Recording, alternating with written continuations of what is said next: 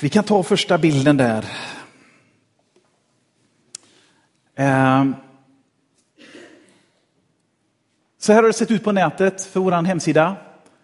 Två personer tillsammans blir större än, eller mer än, vad då? Jo, ensamhet, individualism och en slags kyla som finns i vårt samhälle idag, där var och en får klara sig själv. Vi har ingen vision i Sverige längre för hur vi ska leva tillsammans, men det har kyrkan. Den kristna kyrkan har en klar bild av hur vi kan leva tillsammans. Därför är vårt budskap att tillsammans blir det bättre. Tillsammans blir det större än. Tillsammans blir det mer än de trender som råder i samhället. Där du ska klara dig själv, där du ska vara din egen varumärke, där du ska vara din egen lyckas med. I kyrkan råder en annan ordning.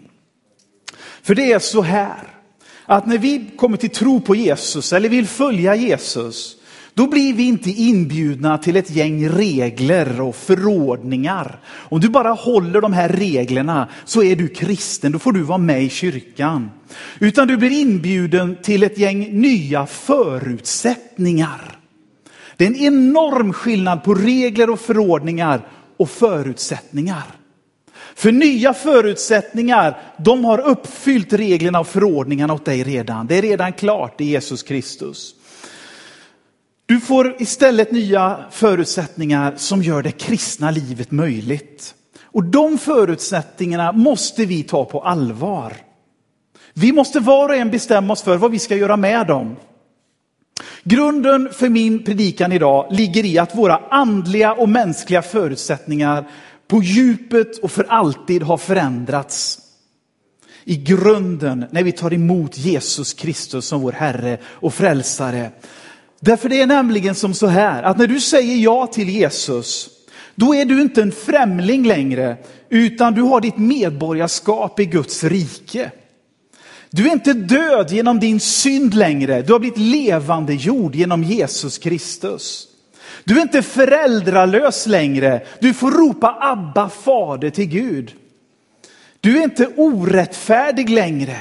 Anklagelserna håller inte mot ditt liv längre. Du har blivit rättfärdighet från Gud genom Jesus Kristus.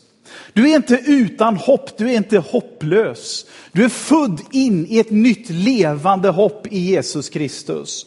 Du är inte mörker längre, säger Paulus. Du är ljus ifrån Gud. Du är ljus ifrån Gud. De här ändrade andligt juridiska förutsättningarna kommer också få effekt på ditt sociala och personliga plan. Alla dina andra förutsättningar förändras också på grund av det här. Jag tror att vi inte kan få fullt ut del av Guds rikes fullhet förrän vi ser det här tydligt och medvetet tillåter oss att låta de här förutsättningarna göra något med vårt liv.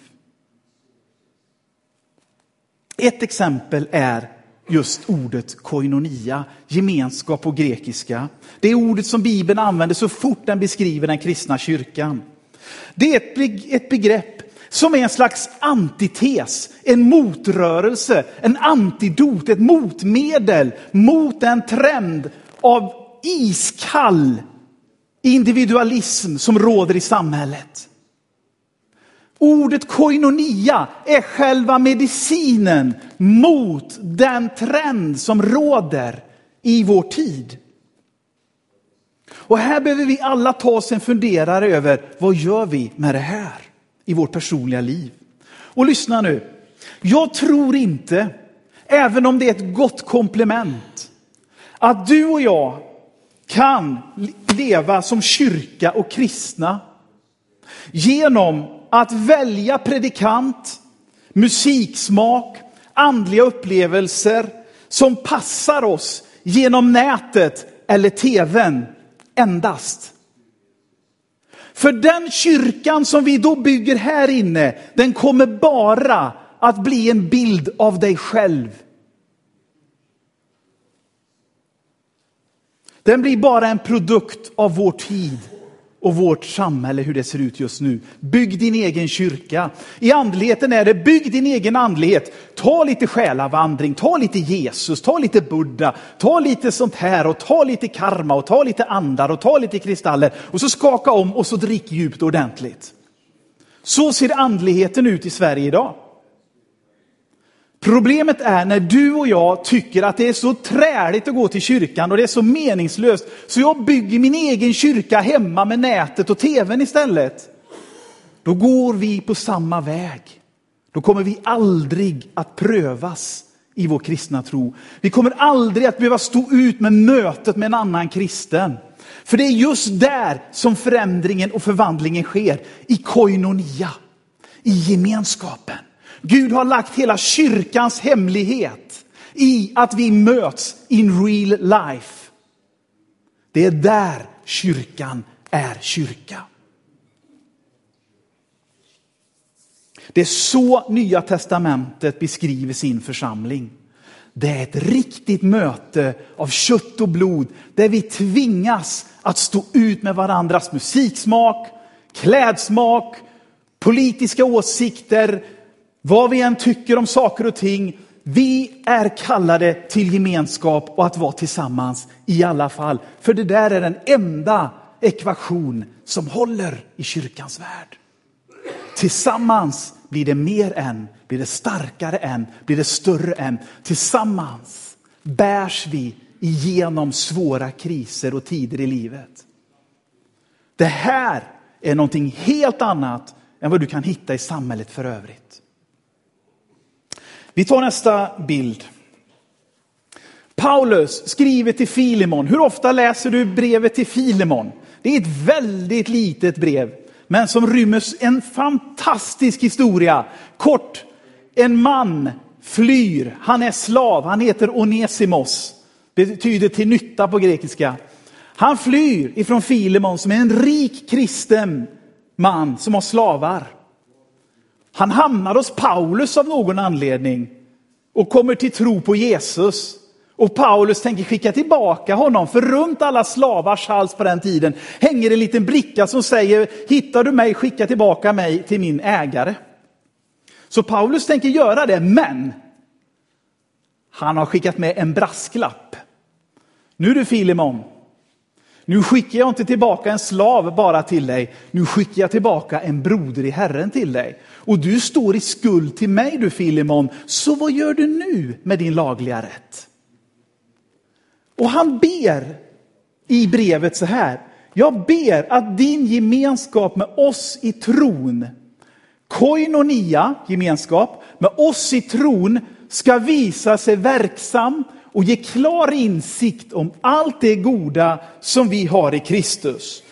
Han säger, jag ber att vår koinonia ska visa sig verksam, energes, energi på grekiska, betyder kraftfull, verksam och ge klar insikt i allt det goda som vi har i Kristus. Epignosis. Du ska få en klar insikt om att vi har det här ihop. Men själva formen är precis densamma som den gröna du såg innan. Det är tillsammans i koinonia, gemenskap, som vi kan se, som det blir verksamt. Koinonia ger energes, energi, så att vi ser. Tillsammans är nyckeln. Det finns ingen annan väg i Nya Testamentet. Det finns ingen snabb, självförverkligande väg. Sju steg till en framgångsrik kristen utan kyrkan. Ibland önskar man ju att det fanns en sån lista. Det gör inte det. Det finns bara det här. I koinonia blir det energes så att vi ser. Det är bara där det sker. Koinonia på nutidssvenska, det stavas tillsammans. Så Filemons väg, det är vår väg. Det är kyrkans väg. Så har Gud bestämt att det ska fungera. Det finns ingen annan väg. Det är därför som Paulus säger i Fesebrevets tredje kapitel att det är tillsammans med alla de heliga som vi kommer förstå bredden, höjden, längden och djupet och så bli uppfyllda av Guds av Kristi kärlek och all Guds fullhet. Tillsammans, koinonia med de heliga. Alla de heliga. Wow! Du kommer få stå ut med både missionsförbundare och baptister och statskyrka och katoliker, ortodoxa och episkopala och allt vad man heter. För det är gemenskapen, det är tillsammans som energin uppstår. Det är där Gud uppenbarar fullt ut vem han är. Tror någon att det är ett motstånd att gå till gudstjänst på söndag? Tror någon att det är motstånd att gå med i en hemgrupp, att vara tillsammans? Och funderar du på detta med hemgrupp så häng med ut till udden eftermiddag. Vi tar med oss lite käk där ute, vi umgås och så boostar vi hela tanken med att vi ska höra ihop också i mitt i vardagen och dela livet tillsammans. Så vägen till kunskap om allt gott i Jesus Kristus, det går inte via ensamhet utan gemenskap. Men hur blir detta tillsammans en verklighet? Hur blir koinonia energes? Hur blir gemenskap energi, kraftfull energi som åstadkommer någonting? Jo, jag ska läsa ett kapitel ur Romarbrevet för dig här idag. Som är den kristna gemenskapens tillsammansetik. Alltså varför vi bör göra på ett speciellt sätt tillsammans. Etik det handlar om att ge skäl varför man gör som man gör. Varför man gör på ett visst sätt. Etik är detsamma som att förklara varför vi har en viss moral. Det är också det du kommer läsa nu, Guds rikets världsbild. Det är så här Gud ser på världen.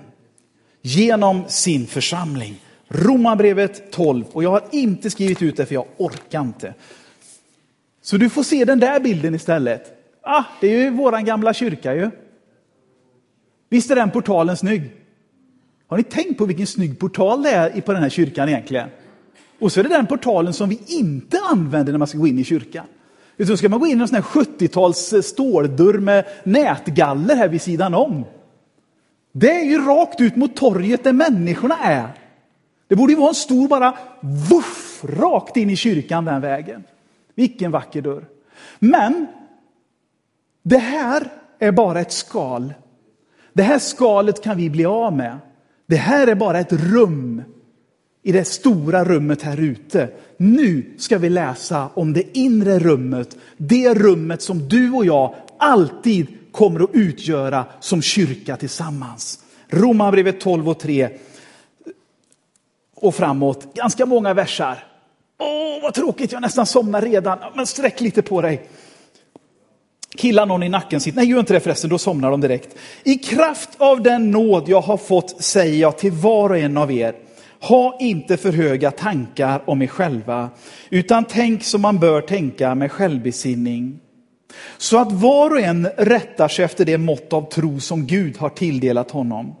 Ty liksom vi har en enda kropp men många lemmar, alla med olika uppgifter, så utgör vi fast många en enda kropp i Kristus men var för sig är vi lemmar som är till för varandra. Vi har olika gåvor, allt efter den nåd vi har fått. Profetisk gåva i förhållande till vår tro, tjänandes gåva hos den som tjänar, undervisningens gåva hos den som undervisar, tröstens gåva hos den som tröstar och förmanar, gåvan att frikostigt dela med sig, att vara nitisk som ledare och att med ett glatt hjärta visa barmhärtighet. Er kärlek ska vara uppriktig, avsky det onda, håll fast vid det goda. Visa varandra tillgivenhet och broderlig kärlek. Vet du vad broderlig kärlek heter på grekiska? Det borde ni veta. Philadelphia. Eh, och ömsesidig ökning. Slappna inte i er iver, håll er brinnande i anden, tjäna Herren. Gläd er i hoppet, var uthålliga i lidandet och ihärdiga i bönen. Hjälp Guds heliga med vad de behöver. Vinnlägg er om gästfrihet. Välsigna dem som förföljer er. Välsigna dem och förbanna dem inte. Gläd er med dem som gläder sig och gråt med dem som gråter. Bemöt alla lika och håll er inte för goda att umgås med dem som är ringa. Var inte självkloka. Löna inte ont med ont. Tänk på vad som är riktigt för alla människor. Håll fred med alla människor så långt det är möjligt och kommer an på er. Ta inte rätten i era egna händer, mina kära, utan låt Guds vrede ha sin gång. Ty det står skrivet, min är hämnden, jag ska utkräva den, säger Herren. Men är din fiende hungrig, ge honom att äta. Är han törstig, ge honom att dricka. Då samlar du glödande kol på hans huvud. Låt dig inte besegras av det onda, utan besegra det onda med det goda. Det du hörde precis nu, det är himmelrikets världsbild. Det är himmelrikets etik. Det är så Gud beskriver vår inre rum, vår relation, vårt sätt att bete oss mot varandra, vårt sätt att leva med varandra. Och här är ju fullsmockat med karameller, eller hur? Det är ju som värsta godispåsen en fredagkväll.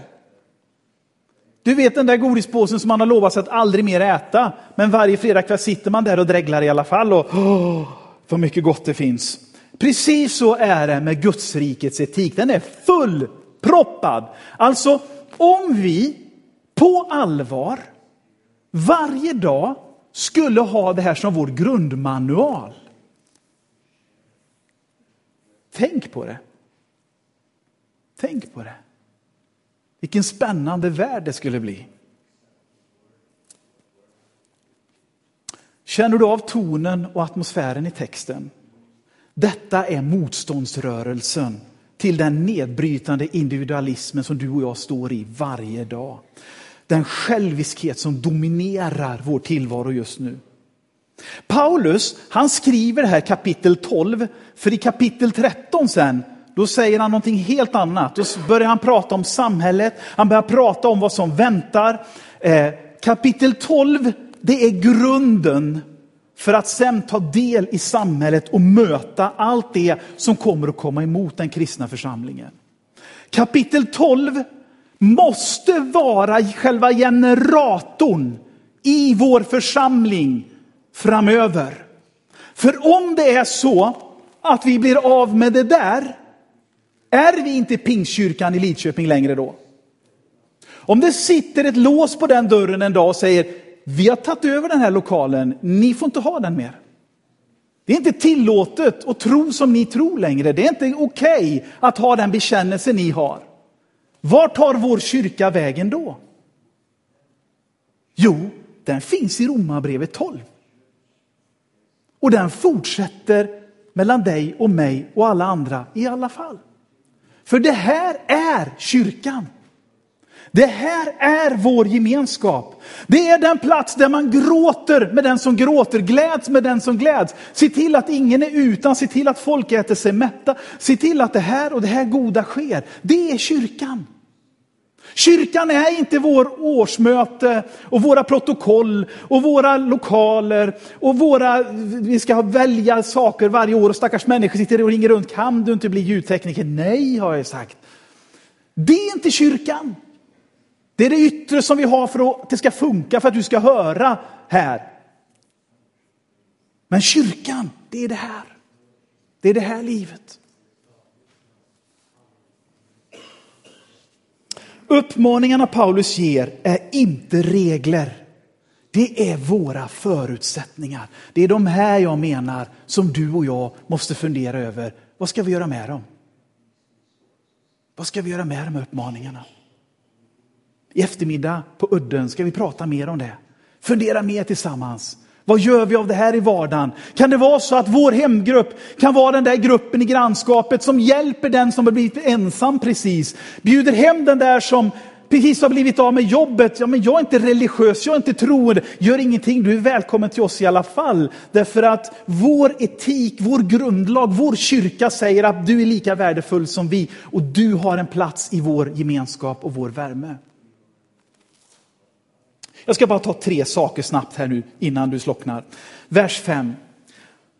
Så utgör vi fast många en enda kropp i Kristus, men var för sig är vi lemmar som är till för varandra.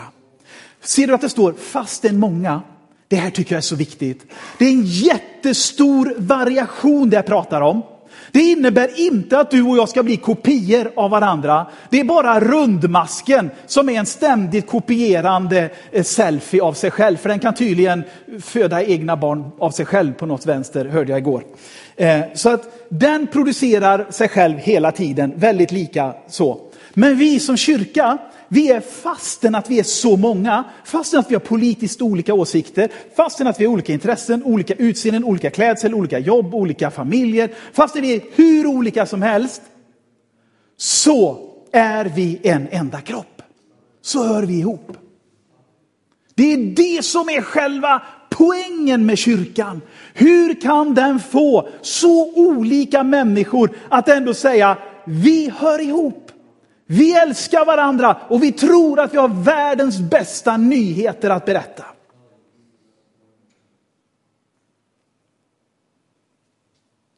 Varför? Jo, säger Paulus, för vi är till för varandra. Hela vårt uppdrag, det som Bosse sa här i början, du har gåvor och kallelser. Det är inte för att man ska bli känd, det är inte för att det liksom ska vara häftigt. Det är just av det här skälet. Precis som min kropp så här hänger ihop, så gör du och jag det. Och det gör att vi är beroende av att händerna finns där, att ögonen finns där, att öronen finns där, att munnen finns där, att allting är på plats och att vi samarbetar. Det skulle bli oändligt komplicerat om jag hade klätt på mig tre olika typer av kläder den här morgonen. För att min kropp är inte riktigt överens om vad jag ska ha på mig. Det kan vara knepigt ändå när man ska gå till kyrkan. Vad ska jag ha på mig? Ska jag på den här gamla trasan nu igen? Folk kommer ju undra, har hon ingenting annat att ta på sig? Eller hur? Till och med en kille kan känna så ibland när man ska gå till kyrkan. Ska jag vara svart som vanligt eller nej, jag kanske ska vara lite färgglad för en gångs skull så folk ser att jag har något annat i garderoben. Men kroppen är ändå överens och tar på sig samma kläder och här är jag. Så är det med oss som kyrka. Vi kommer vara hur olika som helst, tycka hur olika som helst. Det är inte poängen. Poängen är att vi har ett överordnat mål, ett överordnat syfte, en överordnad fästpunkt som vi håller fast vid. Och det är att vi tror att Lidköping mer än någonsin behöver höra talas om Jesus Kristus. Och vi får av nåd höra till honom redan nu. Är inte det bra? Ja, det är ju sådär, vet du. Jag vet inte. Ja, ja. Jag fiskar för fullt här. Mera ja. Nej, jag, jag retar mig själv på predikanter som fiskar efter amen och ja, så att jag ska vara tyst. Vers 9. Er kärlek ska vara uppriktig, avsky det onda, håll fast vid det goda, visa varandra tillgivenhet och broderlig kärlek och överträffa varandra i ömsesidig aktning. Han säger ordet kärlek, agape på grekiska. Det betyder både ett intellektuellt beslut, det är till skillnad från eros som är en lustfylld sexuell kärlek eller filio, Philadelphia som är en broderlig kärlek, så är agape, jag beslutar mig för och jag kan också känna att jag tycker om dig Mikael. Hmm, kan du tänka dig? Men jag har bestämt mig för att jag ska tycka om Mikael. Så är det med agape. Jag har bestämt mig. Varför? Därför att det är min grundkallelse som kristen. När jag tillhör den här etiken, när jag tillhör den här grundlagen, när jag tillhör det här inre kyrkorummet som Romarbrevet 12 är, då har jag ett grundläggande uppdrag att älska dig. Jag får stå ut med dig och du får stå ut med mig. Är inte det märkligt? Vilken konstig gemenskap egentligen. Normalt sett är man med i en akvarieförening för att man gillar akvariefiskar. Normalt sett så är man med i en bandyförening för att man tycker om bandy. Eh, eller så vidare. Så håller man ihop kring det där. va. Ah, honken han var en redig kille, han lappade till bollen vet du. Och man står där och diskuterar. Liksom. Alltså, har du fått guppyfiskar? Ja, vad intressant. Så här. Men här har vi ingenting av det som binder oss samman. Här är det någonting annat som knyter ihop oss. Gud själv. Och därmed så kan vi vara så olika som vi är. Så kärleken den uttrycks i tillgivenhet, broderlig kärlek och ömsesidig aktning. Och jag har sagt det förut och jag säger det igen. Att när jag körde rakt in i väggen förra hösten och mötte den enorma kärlek som jag fick från er här. Det lyfte mig och bar mig igenom detta elände på ett sätt som var, jag kunde känna det påtagligt, kärleken. Bönerna, omsorgen. Alltså det är någonting med den här gemenskapen. Låt oss inte tappa bort det. Låt oss inte fippla bort det. Och låt oss inte tänka, ja men det är så gott med, försam med Gud och Jesus. Va? Men sen kom församlingen i vägen och man ska gå på årsmöte och man ska vara med på massa uppdrag. Man ska sitta i råd och man ska städa och man ska baka bullar och man ska köpa böcker till halva priset och man ska bla bla bla. Här. Nej, glöm det! Det är inte det det handlar om. Det är bara yttre verk. Det är det här inre rummet som vi ska få tag om nu. Och är det någonting som jag kan tycka att vi ofta snavar på så är det ömsesidig aktning.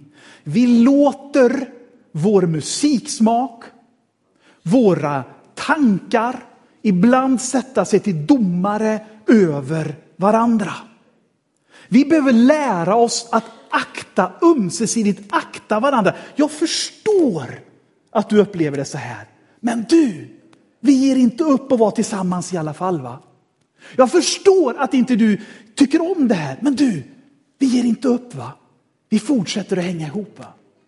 Det är som ett äktenskap, vet du. Alltså, man kan bli jättetrött på att gubben slänger upp kalsongerna i lampan så här. Va? Men, men ge inte upp för det. Det går att förändra även en gammal hund och lära dem att sitta. Alltså, vi får inte gå på den billiga niten. Nej, jag kan inte med musiken längre, så jag kan inte gå. Eller jag kan inte med den här gamla träliga musiken, jag får gå någon annanstans. Det är inte det. Vi måste lyfta blicken och inte gå på den niten, utan säga, men du, vi håller ut i alla fall. va. Det är viktigare att du och jag bryter igenom det här tillsammans och förstår det här tillsammans än att vi går skilda vägar, sura på varandra. Nu pratar jag klarspråk. För jag tänker inte dölja det här längre. Vi har ett oerhört viktigt uppdrag framför oss i Lidköping. Och även att jag kommer börja i Missionskyrkan snart här, så står vi fortfarande tillsammans så står vi fortfarande som en kropp i den här staden. Och vi talar väl om varandra och vi hjälper varandra att förstå det vi inte förstår. Och vi lyfter varandra igenom så att Lidköpings 40 000 invånare ska få en chans att se ljuset ifrån Gud igen. Det är det det handlar om. Vers 15. Gläd er med dem som gläder och gråt med dem som gråter. Det kan inte sägas tydligare. Det kan inte sägas tydligare. När en gemenskap är mer intresserad av dig och den andre. Om du gråter eller skrattar så delar jag det med dig. När Tertullianus, oh, honom pratar vi inte så ofta om längre, han levde på 200-talet så att man kan förstå att det inte är så här, man pratar ju kanske lite mer om andra personer idag. Men han var viktig. Han sa så här. För när han blev kristen, han var supervass. Han var en Torsten Åman på 200-talet i Nordafrika. Han sa så här när han skrev ett försvarsbrev till den romerske kejsaren när de var på jakt efter de kristna. Så förklarade han hur, hur de kristna levde, men det han framförallt sa att han hade hört andra se det var se hur de älskar varandra. De får vara koko, snurriga, eh, knasiga, knepiga. Det är väl bara att offra till kejsaren så är saken i världen. Nej, det som var den starkaste lysande stjärnan i dem, i den tidiga kristna kyrkan, det var att man utifrån kunde säga, se vad de älskar varandra. Vad är det med dem?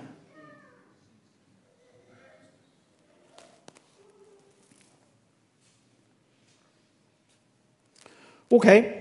allt det här låter ju bra, men det kommer aldrig bli verklighet om inte Gudsrikets etik och kultur blir överordnat allt det vi gör.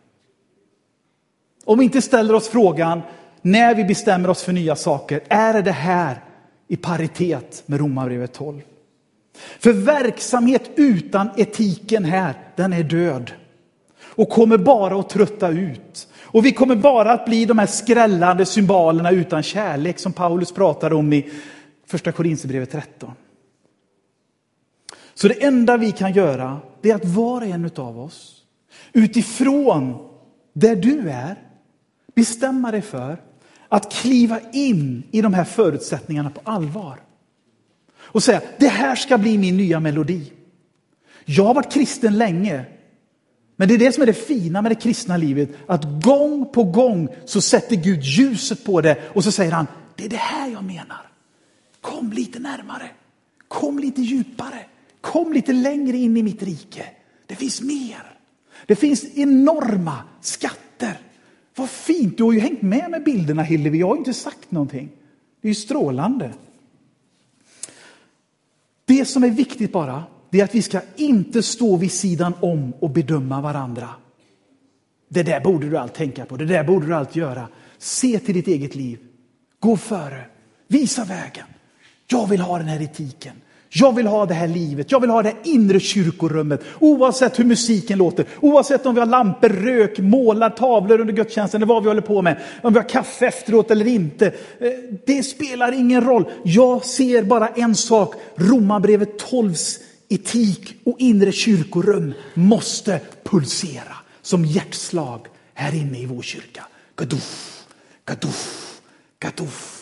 Så när människor kommer och säger, har ni inte de här häftiga konserterna längre? Nej, jag vet inte, inte just nu kanske. Har ni inte massor med unga? Nej, kanske inte just nu. Eller har ni inte det? Men vad är det som slår här inne? Jo, det är det varma hjärtat i Romarbrevet 12. Guds rikets etik. Två tips till slut. Nu tror jag jag har fått jag har. Kolla, vet du. Första tipset, tryck en gång till.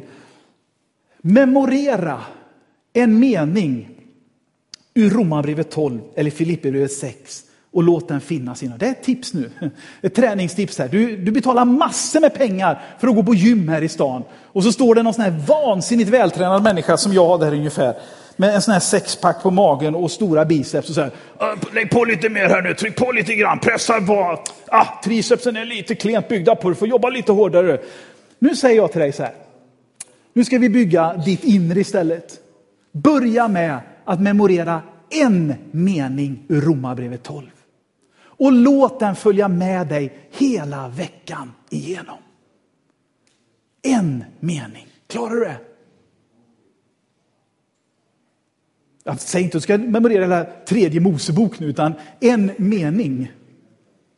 En mening. Gör den till din. Känn, det här är mitt. Det här ska jag bära med. Skriv ner den. Ha den på en post-it-lapp på jobbet. Ha den, nej, post-it-lapp har man inte längre. Lägg den på en sån här på telefonen. Skriv den i ditt inre. Det andra är, ta, tänk alltid Guds rikets världsbild och etik i allt du gör. Se genom Guds rikets världsbild och etik. Tänk hela tiden det som dina glasögon. Hänger detta ihop med Romarbrevet 12? Ja, men det här är väl att gå för långt. Nej, det här är att ta allvarliga steg i Jesu efterföljd. Det här är att på allvar säga Jesus, jag vill på allvar följa dig. Det handlar inte om att du på en härlig konferens och gudstjänst säger jajamän, vi ger vårt liv på stridsfältets höjder, musiken är god, jag är med, wow, wow, så, här. så en vecka senare har man glömt alltihop. Det handlar om att du personligen, utifrån den människa du är, tar ett eget beslut. Jag vill varje dag, resten av mitt liv, ta steg närmare Jesus. Och här är två tips. Amen. Förlåt, vad säger nu Filemon till slut? Eller Paulus till Filemon. Vers 7. Din kärlek har varit till stor glädje och tröst för mig eftersom de heliga är gott vid gott mod tack vare dig min broder. Det blir frukten. När vi gör detta som jag sa i början, när koinonia får ge energes och vi ser vad vi har, då blir de alla andra välsignade. Plötsligt så bryts individualismens förbannelse och ditt liv har god inverkan på din omgivning. Det är vad Paulus säger i den sjunde versen.